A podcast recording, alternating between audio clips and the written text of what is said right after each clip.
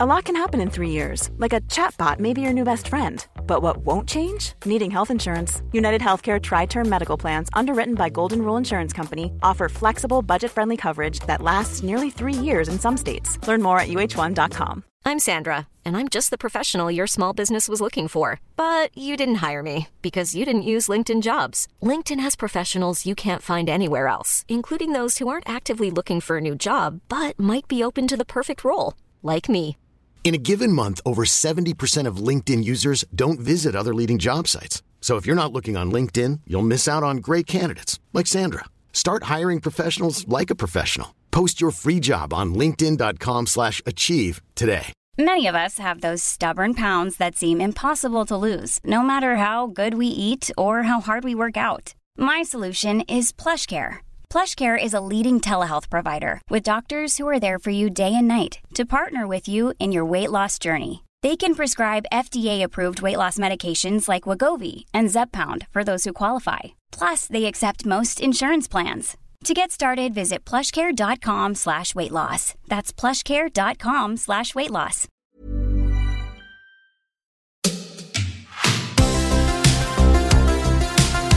Hej och välkomna till dagens avsnitt av Denk och Berns. Idag så träffar Berns auktionshuset Monaco Legend. Ett auktionshus som på allvar börjar utmana de stora tre.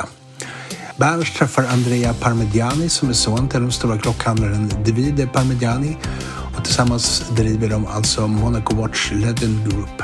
Samtalet handlar om Andreas resa dit de är idag och hur han ser på framtiden. En ung man med en passion för vintageklockor. Berns och Andrea sitter mitt i auktionssalen där det är full aktivitet så att det kan komma lite störande ljud i bakgrunden. Men jag tror att vi alla överlever. Här kommer de. Vi släpper dem lösa. Berns och Andrea Parmigiani från Monaco Legend Watch Group. So let me tell you a little bit about what we do. Uh, Monaco Legend Group is an auction house where me and my father have taken part in since the start of 2019. Together with our partner Claude Cohen, that is a Monaco-based entrepreneur, we managed to do uh, two auctions a year, and uh, this is our sixth auction so far. And um, it is our most important auction of the moment, um, taking place just this weekend, Saturday and Sunday, 22-23 of October. Uh, we take care, me and my father are vintage watch passionate. My father is uh, considered to be one of the biggest experts in the vintage watch market. And uh, we took part in this auction house to establish an, an auction, a watch auction house that is dedicated and uh, solely focused on the, the sale of very curated vintage timepieces. Uh, then, of course, we go also in the modern market. We take care also of dealing uh, precious and collectible modern watches. But our focus uh, and passion goes in the vintage watch market that, as you may know, is quite much broader than, than what the modern market is. And um, in this auction, uh, I'm very excited uh, at the moment because we have managed to put together some of the really finest, uh, most rare and unique pieces uh, from the vintage watch world uh, that you can see in our front cover of the catalog. We have one of the most important watches known uh, in the market that is uh, the Double Crown uh, first uh, world time Patek Philippe wristwatch, reference 2523, retailed by Tiffany & Co. Is the only of its kind uh, retailed by Tiffany and sold by Tiffany New York. An incredibly rare watch, incredibly collectible. Uh, next to it, to the left, we have uh, another unique piece, this time by Rolex. It is a one of a kind Rolex Daytona reference 6265 in 14 karat yellow gold, retailed Tiffany, designed for the American market, thus being 14 karat yellow gold instead of 18. And the watch is uh, a three line you can call it prototype, it's just a three line, uh, much more rarer dial without yet the Daytona signature on the dial, and the, the rare white counter graphics. That is one of the also called prototype uh, graphics that they took from the steel models when we they were still designing and thinking about how to do the registers for the gold models. So the white graphics are derived from the stainless steel Daytonas this watch combines three incredible rarities of Daytonas mm. the three line dial, the white registers, and the Tiffany signed, mm. as well as even 14 karat. Mm. so, right. and, and, the condition. And the condition oh, of, the condition of, uh, of all watches. I, I, wanted to present to you also the third one yeah. uh, from the cover of the catalog. That is a Cartier. Mm. Very happy to have a, such an important Cartier in the auction. I am getting to be more of a fan of Cartier as the trend is now following up. Yeah. And uh, it is a Cartier Pasha minute repeater is uh, the most important watch that Gerald Genta, when he was designing watches for Cartier, as well as other brands, he managed to design for Cartier the, the Pasha which is a minute repeater perpetual calendar wristwatch, mm. which at the time was was very complicated to make and to to, to create. And uh, I think especially for Cartier, it was quite quite a mission to make such a nice and complicated watch. Mm. Um, the watch is incredible, taking lots of Gerald Genta as inspiration. That is known to be one of the biggest uh, designer and creators, masterminds of the watch world if you look at the case back of this watch, is fully skeletonized, but also the movement is all engraved, ah. which is very uh, takes the watch takes a lot of harmony and uh, much more special to look at, yeah. much more exciting.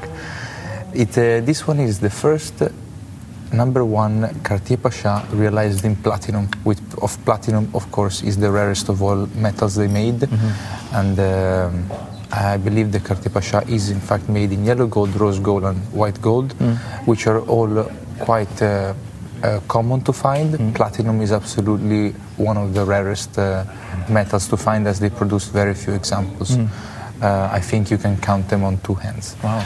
And uh, this is number one of all, uh, still preserved in exceptional conditions truly a, a, really historical piece for Cartier, also bringing back the the name uh, and uh, emphasizing the, the, importance of Gerald Genta, the, the creator that really um, owns a lot of recognition in the market for, for creating some of the, the best watches.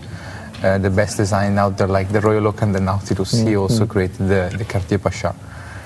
It's amazing. I mean, the catalog, uh, these three masterpieces that you talk about, they are amazing, but the catalog is filled with them. You have yeah. uh, you can almost just point and you find a unique piece and uh, yeah. in, a, in we, medical condition. We are um, always uh, uh, working hard for the next auction. We learned uh, this is our sixth one so far. So uh, after each auction, we we try to make a curated selection of all very nice very well preserved, all original vintage timepieces. Mm. And with time, we, we thankfully managed to always improve this selection, mm. uh, given by the more, uh, more um, uh, the increase of people coming to, towards mm. us to consign watches. Mm. Uh, as our name starts to spread, it's easier for us to find better condition watches, uh, more collectible items and at the same time as our name spread the people uh, trust us more and uh, believe in us more to then uh, even our friends and dear clients to consign us watches and prefer us rather than other auction houses mm. so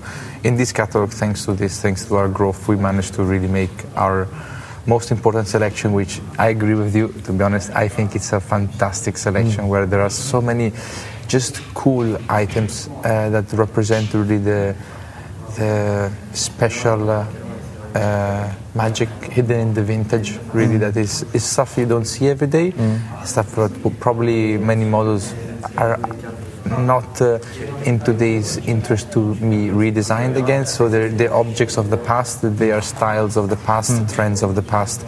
And I just think it's so cool to relive them, especially if you get the chance to buy them in almost as new conditions or perfect mm. condition mm. with somebody that can guarantee its full originality it's such a, a fun atmosphere, and uh, yeah, I'm and enjoying it.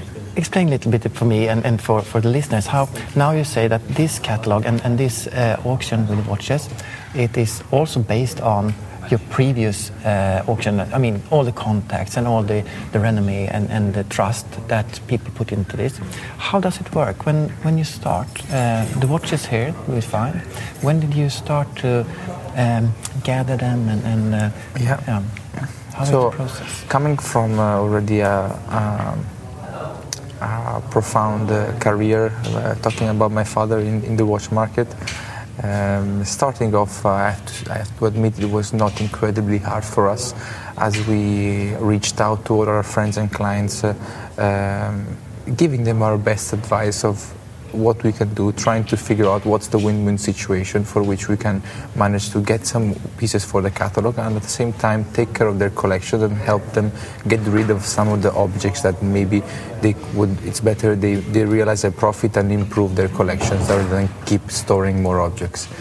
So through through this this uh, strategy we, we managed to easily put together a first catalog. Then, of course, from there to go on and keep gathering 250, 280 watches is uh, is difficult. I would say it was probably more hard the second time than the first, mm. uh, just because you to keep that mechanism uh, going and uh, it's it's a lot of work still now it's uh, quite an important work yes. Uh, our, our, our luck really as an auction house is that uh, having a, a serious dealer as, mm. uh, as, a partner, as a chairman of the auction house. Mm.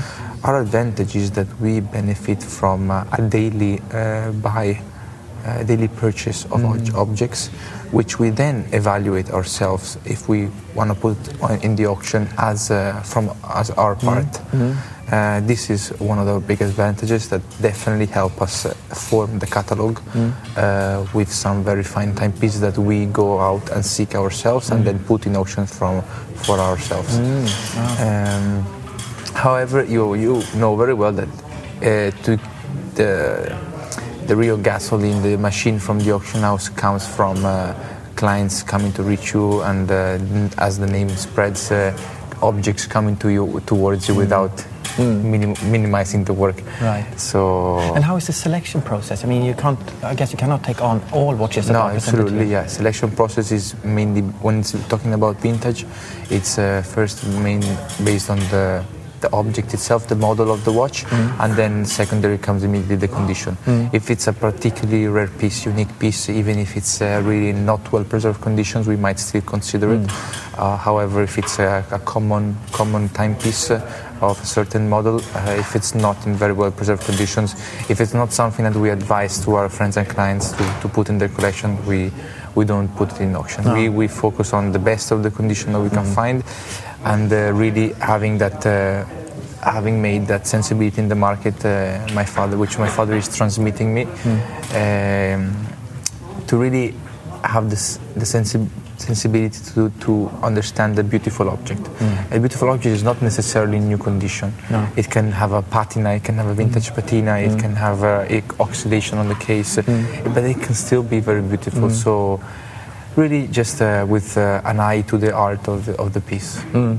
I agree 100%. Yes. I mean, my personal taste in watches is that when you can see that has lived a life and have a history to tell, yes. this gives me something extra. Exactly. And if you go to the shop and buy a new watch, this not yeah. do nothing for me. So yeah, I uh, work in the auction house. I see that uh, uh, different cultures differ a lot on, on this mm. opinion. People, um, what we might consider vintage patina and uh, uh, more more uh, how would you say more more enthusiasm of a, of a vintage watch mm-hmm. that is not very well preserved. Others might really see it the opposite view as a ruined watch or mm-hmm. or uh, deteriorated. Let's say if the dial went from uh, being uh, an argente silver dial to an orange one, mm-hmm. it would be not the great condition for them, but for us it would be a lot more special. Exactly. And this is uh, truly the magic of the vintage. I think uh, you have to have this uh, this kind of concept and principle uh, of thinking to really admire and appreciate the vintage at its best because mm. it's it's exactly the age and time that makes a vintage object unique. If mm. it's kept in new condition, uh, there, there, really might probably be another one as well in the world kept in new condition. But mm. if yours is now a tropical dial and mm. it has these weird uh, looks and mm. colors to it, then it might as well be unique. Yeah, so exactly. it's a lot more special. Yeah. Um, Oh, this is this is, is, is nice for me, uh, who really admire the, the old watches and, and, the, and the history. How, um, when did you start? I mean, you, you, told us that we have about two auctions a year, and to fill a catalog like this, do you manage to do that within half a year, or is, is this an ongoing process for a longer time? Well, that, that is a good question because uh, it's a very important thing for an auction house mm. to get prepared in advance. I, I, this is how you see other uh, big auction houses uh, as like like Sotheby's or Christie's. They manage to do uh, I don't know exactly how many auctions or what watch auctions a year, just watch auctions, but I believe it's probably about. Uh, uh, 15 to 20, if mm. not if not something more as well, with the on, all the onlines and stuff. So really big numbers. We are at, at two per year at the mm. moment, so we have to work on that and uh, definitely the key of working on that is preparing in advance so that you the more the more you, uh, the mechanisms of uh, the, getting the catalog done runs quickly the more you can move on and make more auctions mm. uh, this of course uh, is uh, an important part we, we are already working on uh, at the moment we, we, we dedicate we are taking our time because we want to grow effectively. Mm. we are not pushing the growth um, aggressively at the moment. We are taking, we're going with, with uh, we're, we're, we're, walking out our way mm-hmm. slowly, and uh, at the moment, making these two auctions a year, it took us always six months to prepare each catalog, mm. which we are in perfect timing to make two auctions a year. Mm. It has been difficult for us at the moment to really uh, push to making to the goal of making three three auctions a year. That's why we, we kept these three years always two auctions. Mm. Um, and, and, to keep the quality as high as it is. Also, uh, also mm. this, of course, yeah, many factors then involved as well as you can, as you mentioned.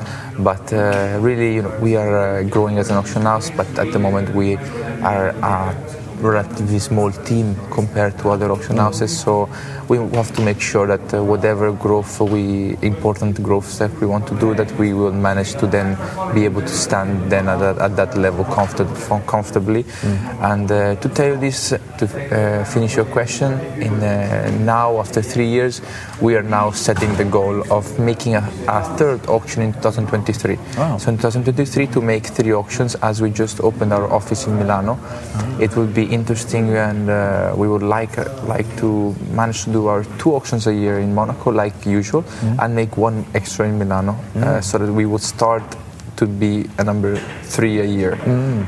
Uh, do you see a difference in the Milano uh, market from the Monaco? I mean, it's not far away, but yeah. Mm. Uh, yeah, yeah, absolutely. I think the difference is really the atmosphere. The atmosphere, the environment attracts different clients, different different people. Some some may be more attracted to a watch auction in Monaco, and some may not be attracted to a watch auction in Milano, and the same is vice versa. So, mm. definitely, I think it's very interesting for us to go and experiment the territory of Milano and mm-hmm. how Milano responds to us. I'm very curious to see that. Mm-hmm. Um, at the same time, if I have to tell you how would my feeling be in an auction, Milano-based auction, is that um, I would feel very confident because uh, Italy has always been a, uh, a researcher of the nice vintage. Mm. Italians have always had the culture for the vintage. Mm and so I think an auction in Milano would help us to spread the, the Monaco Legend uh, uh, auction all over Italy. Mm. Uh, so we would have more Italian clients coming over to see us to to find to get to know us, mm. and so I think. Uh, they, we will get many many clients that will absolutely appreciate the catalog. I think so. I'm very much looking forward to that. In Monaco, of course, we we gather all our friends and customers to come and stay here for the three four days that we have the exposition and the auction, uh, so that we make sure that all the Italian culture comes over very here and good, supports yes, us. Yes. Me myself actually traveled from Italy this morning. Yeah, so it's it's close. It's just a few yeah, minutes it's away. A, so. It's a two-hour, thirty drive from Milano. Exactly. So it's fine. And okay, so now we go from two auctions uh, a year to three auctions. Yeah. So uh, if you look at the, uh, your ambition and your planning for the future with the Monaco, Le- Monaco Legend, yeah. what do you see in five years and ten years? What is your ambition?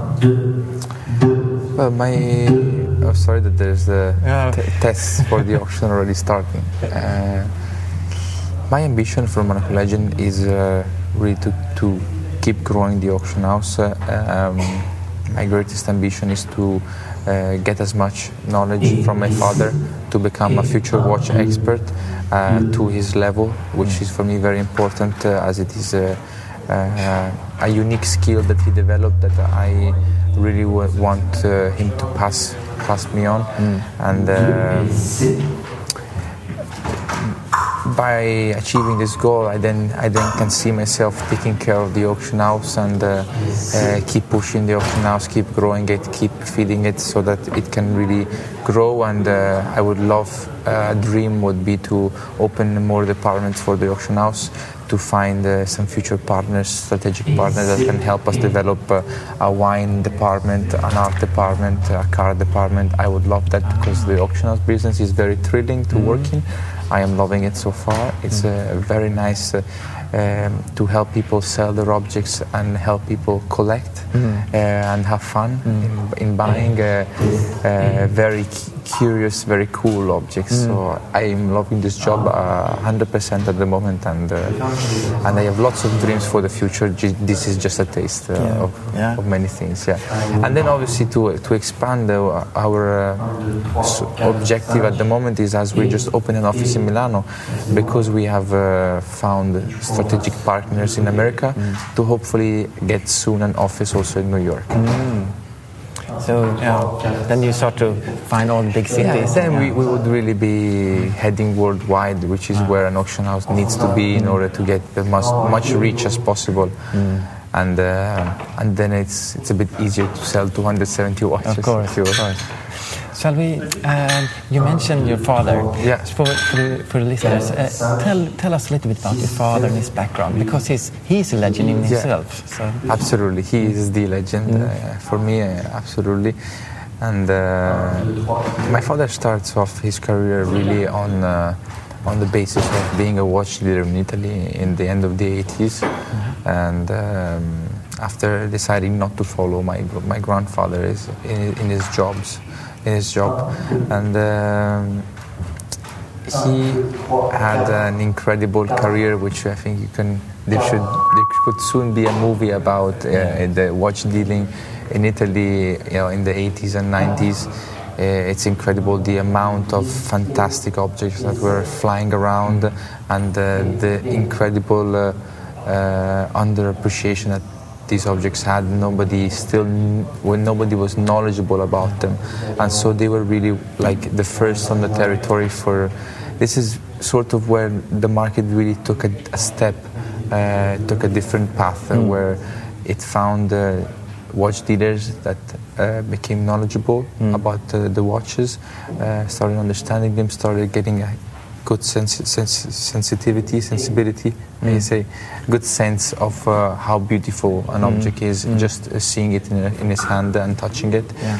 And uh, they really changed the market, realizing which, which were going to be the watches that were going to get uh, become trendy in the future, which were going to be the most iconic Rolexes, the most iconic Patek Philippe's. They saw this coming al- before the market was even there, before the market was even something.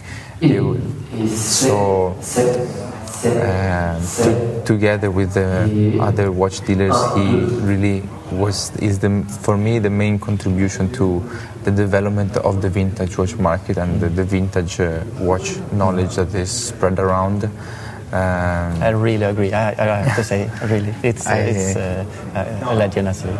and uh, Do you, do and uh, sorry, I want just to finish. Then, then Yes. yeah, he he always uh, worked uh, uh, in uh, in a sh- in, in having his shop. Mm. Uh, he's, he his base was Milano for about 20 years, if not a bit more than 20 years, and then uh, um, he moved to Lugano to give the possibility to me that I was growing up to live uh, in a more in a more beautiful place than what we that, that Milano, Switzerland, which is Switzerland. Switzerland uh, was a more calm place and also serious place for him to keep his, keep working in uh, absolute sec- security. Uh, and then uh, my father always pushed me a lot to get knowledge, knowledge, knowledgeable about watches since I was a kid. Uh, really, since the really the first uh, years as a kid, he's he always uh, tried to put my path into following his, uh, realizing. Uh, just now, I, re- I understand that he, it was because he realized that uh, what he had achieved as a skill, as a, as a sensitivity, as an eye, was really something unique that had to be um, passed on to his next generation. Because, uh, um, I mean, I would have to get, I would have had to get to know watches sooner or later. Yeah, So but it's also a little bit uh, tough. Sometimes if you have uh, an interest, uh, if you push it too hard in, Yeah. to your children, maybe they turn away from And it. this is exactly you what I did. be- In fact, oh, you uh, did. Oh, I did. No, yeah, I Mm. did absolutely, uh, because uh, I did have that small interest, but his pressure was so much that always made me turn my back towards watches. And in fact, the funny story is I have turned my back completely until I was about uh, 16. Where in 16, I it was the time where they would make me wear a watch. My parents they would allow me to wear a watch or wear a watch to school and have a watch for myself. And um, so it was the time where I was starting to understand watches to a bit of a different level because wearing it uh, gets you to, to a more a more relationship, bigger, a more serious relationship with the watch. And um, when I was 18, uh, after finishing high school, my father gave me uh, what I've always asked him for absolutely zero pressure and letting me do whatever it is that I want to do. Yeah. So I went off my own way and I did some job experiences here and there before I, before I quickly realized that, uh, that I really wanted to go and work with Yeah. him having uh, built such a team for him after 20 years. Uh, when I was just uh, nine, 19, 20, I, uh, I decided I asked him if I could join him in his work and learn his work. It was something very uh, a big, a big, very change of life for me because uh, I really tried to push uh, what the watches away uh, as he tried to push me into them, and then when the fight is over, you know, we get together, we get along. Yes, yeah. so Ah, it's been like that. It, it was fantastic. However, I started working in the shop in Lugano, where we used to live.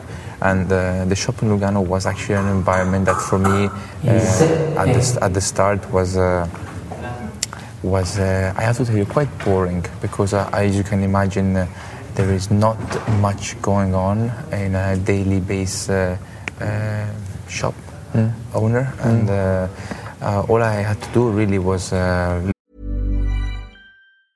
Hi, I'm Daniel, founder of Pretty Litter. Did you know cats tend to hide symptoms of sickness and pain? I learned this the hard way after losing my cat, Gingy. So I created Pretty Litter, a health monitoring litter that helps detect early signs of illness by changing colors, saving you money and potentially your cat's life. Pretty Litter is veterinarian developed, and it's the easiest way to keep tabs on your fur baby's health right at home. Go to prettylitter.com and use code ACAST for 20% off your first order and a free cat toy. Terms and conditions apply. See site for details. Since 2013, Bombas has donated over 100 million socks, underwear, and t shirts to those facing homelessness. If we counted those on air, this ad would last over 1,157 days. But if we counted the time it takes to make a donation possible, it would take just a few clicks. Because every time you make a purchase, Bombas donates an item to someone who needs it. Go to bombas.com slash ACAST and use code ACAST for 20% off your first purchase. That's bombas.com slash ACAST, code ACAST. Listen to all his uh, deals with the clients, listen, listen to him talking with the with the dealers, and uh, basically listening to him the whole day and Yeah. understanding uh, his work, understanding uh, more about the watches and uh, his description, how he would talk about watches, and. Uh, it was a bit boring to stay in the shop, but what happened is that, uh, fortunately, in that one year of uh, silent uh, Lugano shop living, hmm. I got really passionate really quickly. Hmm. Having time to just sit around all day to admire different watches, all the, all the different models, the styles, the brands, and it really it really hit me hard and really hit me very quickly and effectively. So since there my father saw that I had the real interest hmm. of uh, being in the world of watches and following him for his journey. And that's where we changed the, our lives and took the opportunity that we found uh, to join this auction house and come here and change what uh, change my father's job that has always been a watch dealer to keep doing uh, uh, his uh, job as a watch dealer and uh, curating the very important collection that he has created in the world uh, uh, through his very dear friends and clients. And at the same time, uh, taking part is really in really leaving the shop job and um, taking part in what he sees was really the future of this market, Mm.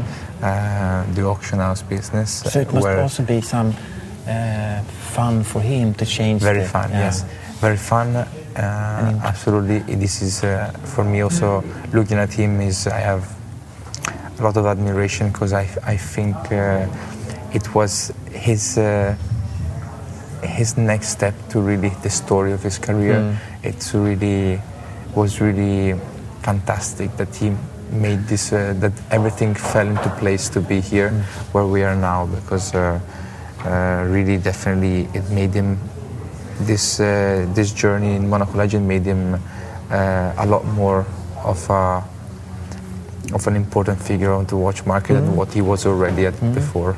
Uh, yeah, I can see that. Huh? To use all his knowledge and skill and history, and now bring it to next level Yeah. with the auction house. Oh, that's, yeah, it's a natural step when you see it from uh, from from outside. Yeah. Also, because uh, it's two different jobs. I mean, um, a wa- a being a watch dealer is uh, you. You can be a watch dealer if you have the good basis of uh, of being a merchant and dealing. Mm. And here is really a lot of en- entrepreneurial Yeah. uh, thinking, entrepreneurial skills, uh, and uh, it's running a big company now. So. Uh, Mm. he was able to do it no problem, and this shows uh, really what he's capable of. Mm. Oh, impressive. Um, so you he, he, he came from from the Monaco region, and uh, I'm sorry, from from the Milan region, and moved to Lugano in Switzerland. Exactly. And you were you were uh, brought up in in uh, Switzerland.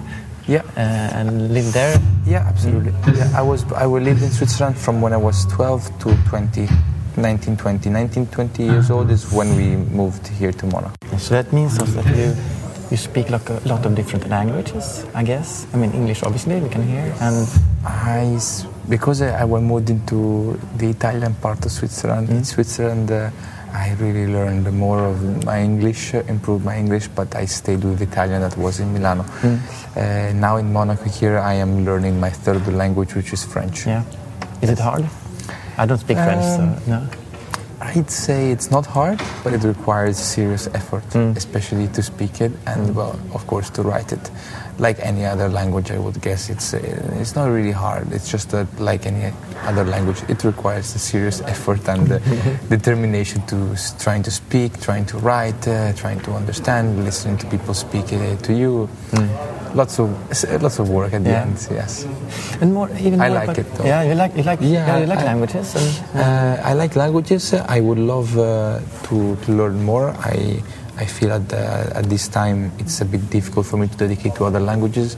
And uh, I am I am working on my French. I Mm. am lucky to have eight colleagues that speak to me only in French. Ah, that's so. Yeah, it's, worth- helps, yeah, yeah. it's gonna come there sooner or later. forced into Yes. it. Yeah. and uh, we talked just before we started the, the recording. We talked about uh, uh, different uh, taste in, in watches or, or the uh, collection and what's interesting. What is your soft spot in watch collecting? What is your if you have your dream So, collection? um, at the moment, my soft spot is um, Daytonas. Mm. I'll tell you very specifically because uh, that is my true soft spot. So it's Ah. specific at the moment. Uh, it's Daytonas with precious gems. Ah. Daytona is my favorite watch, Mm. uh, whether it is uh, uh, a 60s, 70 model Mm. uh, or 80s, uh, 90s uh, Zenith model or an automatic model, Mm. uh, Rolex uh, modern. Mm. Any any kind really touches me, but when it's uh, with precious stones, they are really my favorite uh, watches of the moment. Mm. I feel that this is something that is going to change a lot because I am a watch addict, very serious, and I Mm. feel it now. So I I liked all I like all watches. I would say I like really many many brands, and so I know that this is something that I like at the moment, but that I will want to change soon in the future to keep having fun with the watches Mm. and uh, keep expressing myself differently. Mm. Do you think it's a risk uh, when you have watches as a profession uh, that it sort of Yeah. kills the enthusiast Um, and uh, not kills, but it makes, makes the fun out of it, takes the fun out of it. I see what you say absolutely uh, because I did get sort of this struggle now getting in the watch world, what do I want to do? I want to just collect and not sell. Mm-hmm. But my father teaches me that if I want to buy uh, nicer watches or keep buying watches, if, Mm. if I, if I want to have more, I have to sell. So it's something that took me a while to, to get along with, Yeah. with this concept, and uh, I understand that this is actually how you keep the best of the fun going. Being able to buying, enjoying, and then selling off. Uh, uh, selling off well an object. Uh, uh, both really the things when you when you get to it and you get away from the from the fussy thinking of uh, I want to have everything now. I, I want to buy, not sell. When you get away from that, you un- you understand that uh, it's such a and much more uh, enjoyable uh, way to appreciate the watch when you buy it and you know you will enjoy it for a short amount of time because you will already set a price on it and sell it soon. Hmm. And try to sell it soon and put a lot of effort so soon it will go. That's how you really get the best enjoyment out of the watch because hmm. if you know that you you bought, you bought it and you're going to have it forever you're just going to drop it in your safe and maybe pick it up one year after. Whereas if you really know that you- you can sell it in one week then you'll wear it for a week and then sell it and you'll buy something else and, and you keep going and that for me is now because I understood this it's becoming uh, the funniest uh, part of the game A friend of mine once told me that uh, for him it is to experience the watch. It doesn't mean you have to own it for the rest of your life. It's to have had the chance to absolutely to, to have it perhaps for a short time and own it, and then it pass on to someone else. Absolutely, So- this is the beauty, the beauty, the the art behind the art behind the collecting uh, is uh, really owning, taking care of, to then pass on. Mm, exactly. Uh, this is really once you uh, manage to let go of the greediness uh, Yeah. you can have uh, from these objects. This is you you will be able to enjoy them more, understand them more. Mm.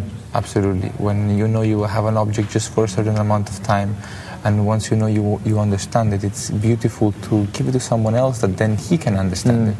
Mm. I, I, I found a lot of uh, enjoyment and uh, happiness from selling watches, mm. especially to friends of mine, that uh, they, they and realizing how they understand it after wearing it and owning it. Whereas I was explaining it to them in the first place and they were not on my same page and now they are. So really brings a lot of satisfaction. Uh, actually, that was what my, was my next question. If it's a, you find satisfaction in selling a watch to a person that appreciates it, and I can really, really see that. Yeah, this is for me a key thing. Uh, I will always look out uh, for myself.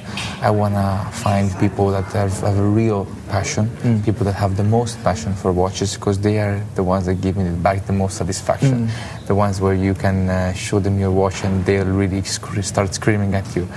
They were uh, naturally. So you know, eh, definitely the passion is what. Uh, what keeps this this market, this uh, what keeps collecting watches really breathing strongly. Mm, I, I have a question that I try to ask uh, people I meet. It is, uh, how do you build a collection? What is your best advice for a new or perhaps semi-experienced uh, watch enthusiast? How do you build your collection? What is, in your opinion? So, in my opinion, uh, I'm going to tell you my opinion that is already derived from my father's opinion because they asked him many times this question in interviews and I listened to his answer. Okay. But so, thanks to him, I I learned how to respond to this question. That is, uh, so first of all, really, it's important. Uh, if it's uh, if buying watches, it's uh, it's outside really of your circle of competence, and you want to start collecting or investing. It's uh, important uh, to find the sources that, which uh, you know you can trust, that you know are quality and are giving you uh, an object exactly for the way they say that, that it is. And uh, once you have the right sources, then it's really up up to following your your your instincts, uh, your mind. What do you like? Uh, what attracts you? What in, in, what intrigues you? It's really just following your your senses and uh, following your senses when you're in the right hands. It never is really going wrong. Uh, even buying a watch that uh, is not uh, the great the great investment. Maybe after five years you have made still no money on it. If not, maybe lost five thousand. It's still okay if if you really like it.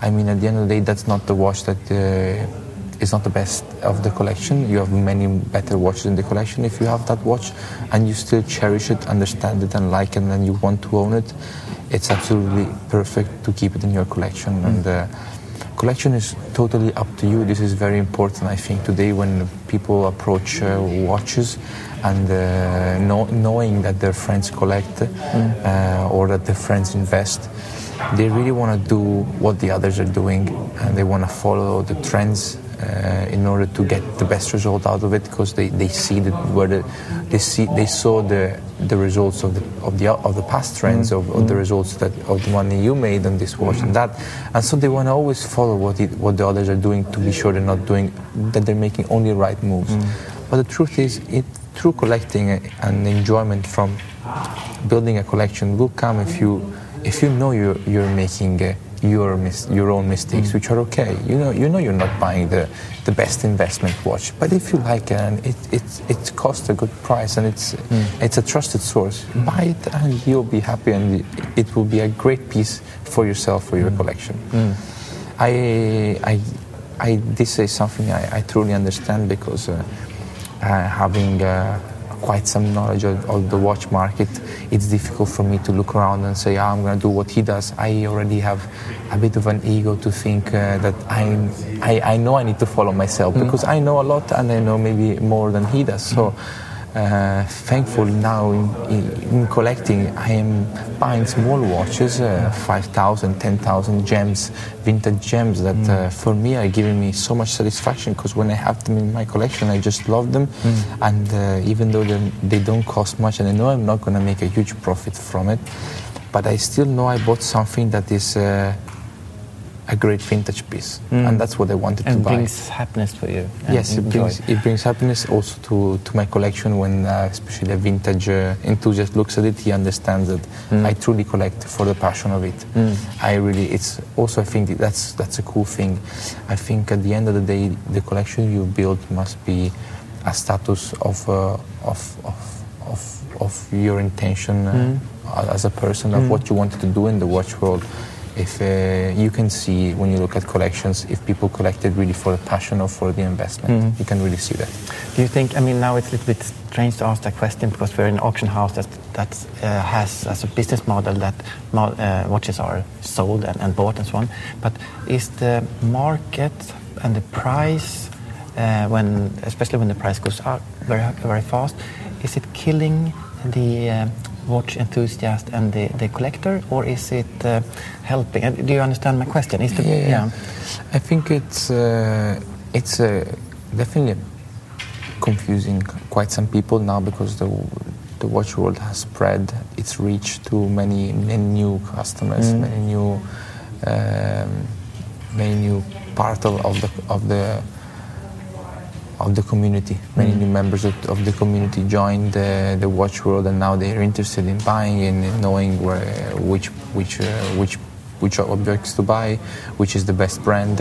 When prices go up, uh, like you said, this is scenario you said. I think uh, the ones that don't know uh, well their topic and mm. where they are mm. are really confused and mm. can get different feelings from being skeptical mm. and um, not probably would bring them to not move and not make any move at the moment. Mm-hmm. But whereas instead, if you're talking about the, the community that's already there of the watch passionates and uh, people that understand have always cherished watches already since quite some years, they know that, uh, I mean, they know watches and price fluctuation doesn't really scare them because they, they know which watches will mm. still walk their way, mm. you know. Exactly, and look at it long term. I mean, uh, for, f- to tell you, to analyze this this uh, question a bit further, mm-hmm. and give uh, also people that are listening a bit of an insight of what I think of the market. Yes. It's always been that the modern hasn't really always been a big space for investment, uh, and the vintage was really the key of uh, of a constant appreciation of a watch mm. instead of having a sudden depreciation coming uh, through trends. Mm. Uh, now the watch, the modern market has changed these past five years as the brands started making different strategies, different marketing and promoting strategies of not give, wanting to give the watches to anybody. Mm. Uh, the demand uh, has surged, surged immensely, and so it's completely changed a bit. It's a bit flipped around now. It's, it's, I feel, of course, that um, uh, a new new a new guy coming in the watch market will will immediately have the feeling that the investment is all in the modern. Because mm. if you can't get the piece and you manage to get it, you will sell it for five times the price. Mm. So that's the investment, mm. and uh, that surely can be an investment, and uh, many people have done it, and many people can, can still do it. But um, first of all, uh, the issue there is that uh, I think if you just uh, happen to fall in that path and just experience the investing uh, and making money in the modern world, it will take you a very long time before you develop a real passion uh, for watches and before you can manage to go in deeply into the vintage watch world and discover that world. Mm. Uh, if you will get distracted with the with the hype of the modern watch world, and like this you will lose the trains of what you of vintage Daytonas that you could buy today at 80,000 in steel, uh, fantastic watches in mm. new condition. You could buy it today at 80,000, and people that are keeping their attention in the modern, in five years they they will realize the vintage and Daytonas in steel are already at 200,000. Mm. So for me, the key, uh, always the, the opportunity is always in the vintage. Mm. That's where you can always sleep. Uh, sleep well at mm. night mm. without thinking about depreciations and mm. market big market fluctuations. Um, of course, then there are many factors involved. Whereas, in fact, that's why before you mentioned we were starting to collect. It's important in the vintage, especially why it's it's uh, it's not just just because uh, of of the of the shell. No, it's just it's not just because of the the easy, the investment that people go to the modern, most reason is because people who experience buying vintage source might get some uh, bad experiences mm. because uh, as I mentioned before it's very important that you find a trusted source when mm. you ask me about collecting the one, number one thing I said it's uh, find your trusted sources exactly. Uh, like that uh, you will have a, a, good experience and buying vintage is not easy. Mm. Knowing vintage is very hard. Mm. Information is not really written in so much in the books. It's really just spread around, and you need to know which ones are the good uh, good voices around there. Mm.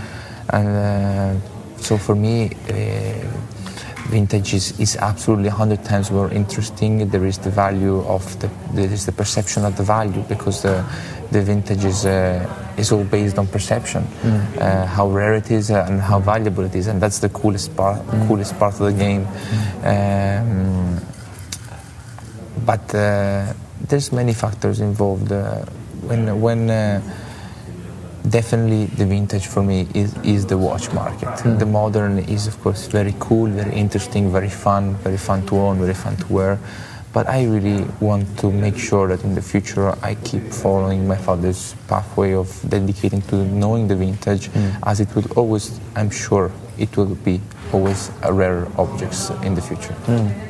Mm. Rarer and more, more appreciated, more understood uh, objects. As you know, the key thing also is that uh, uh, these are still brands that are all still very active today. Exactly. They're not brands that don't exist anymore. Exactly. And this is their biggest strength point and the biggest, uh, uh, the biggest factor behind uh, my, I, my thinking that they will always just keep appreciating. Mm. Because as the brands will keep on going and keep doing what, what they've always done and the best way they can, you can be sure that their history will always be recognized and always be more appreciated by more people. Mm, mm, I 100% agree. Yeah, yeah. Uh, my my take on the whole situation, we had the modern watches rise very very fast in price. It was, as you said, there come in a lot of new.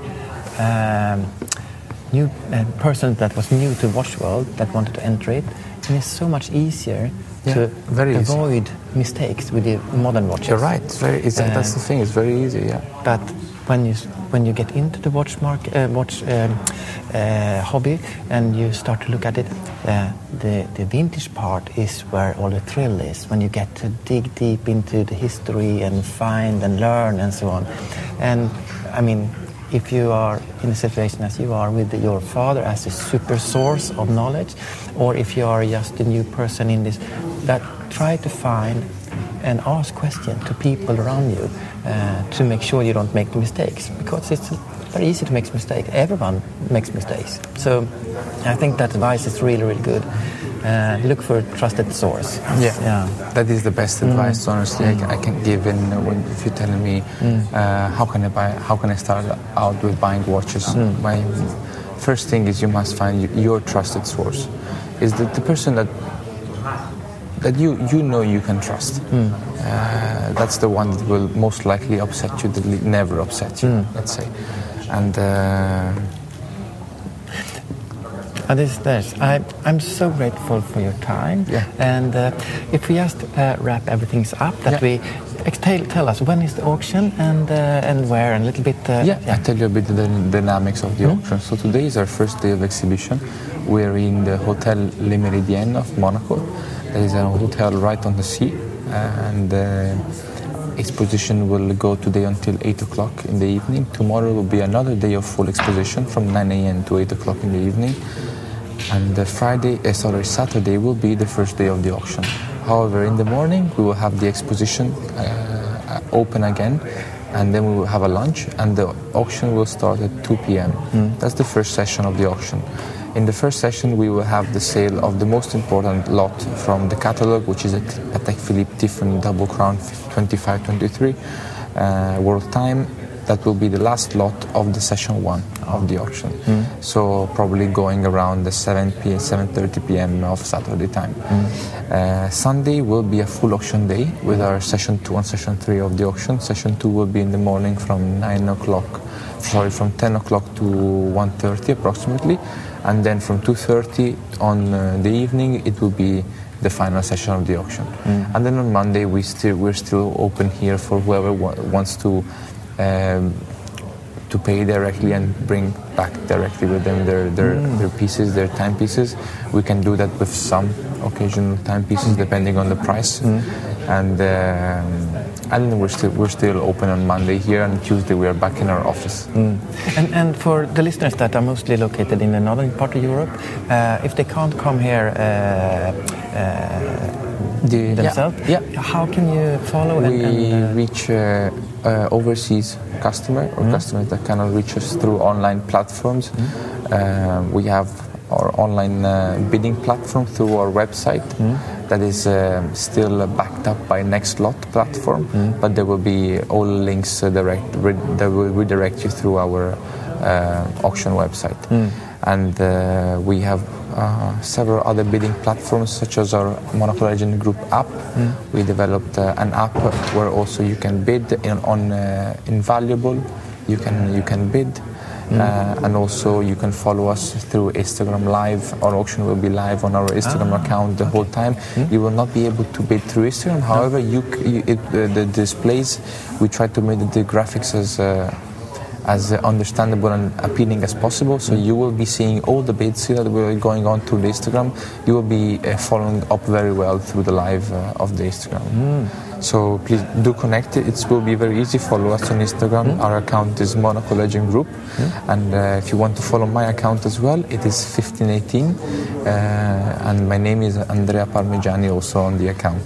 My the, if you ask about the name of my account, it's 1518 because uh, it's uh, the re- the most uh, important uh, uh, Patek Philippe wristwatch uh, considered in the market to be ever made by the brand. And uh, my father was called initially in his Instagram Dax, which is uh, a short name, uh, 2499 was his uh, was his nickname of Instagram. And when I started off, I thought of uh, since 2499 is the second most important, and I thought of taking the first Yeah, important smart to, yeah. to be have a good prospect for the future. yeah, setting the bar. Yeah, that's nice. That's really good.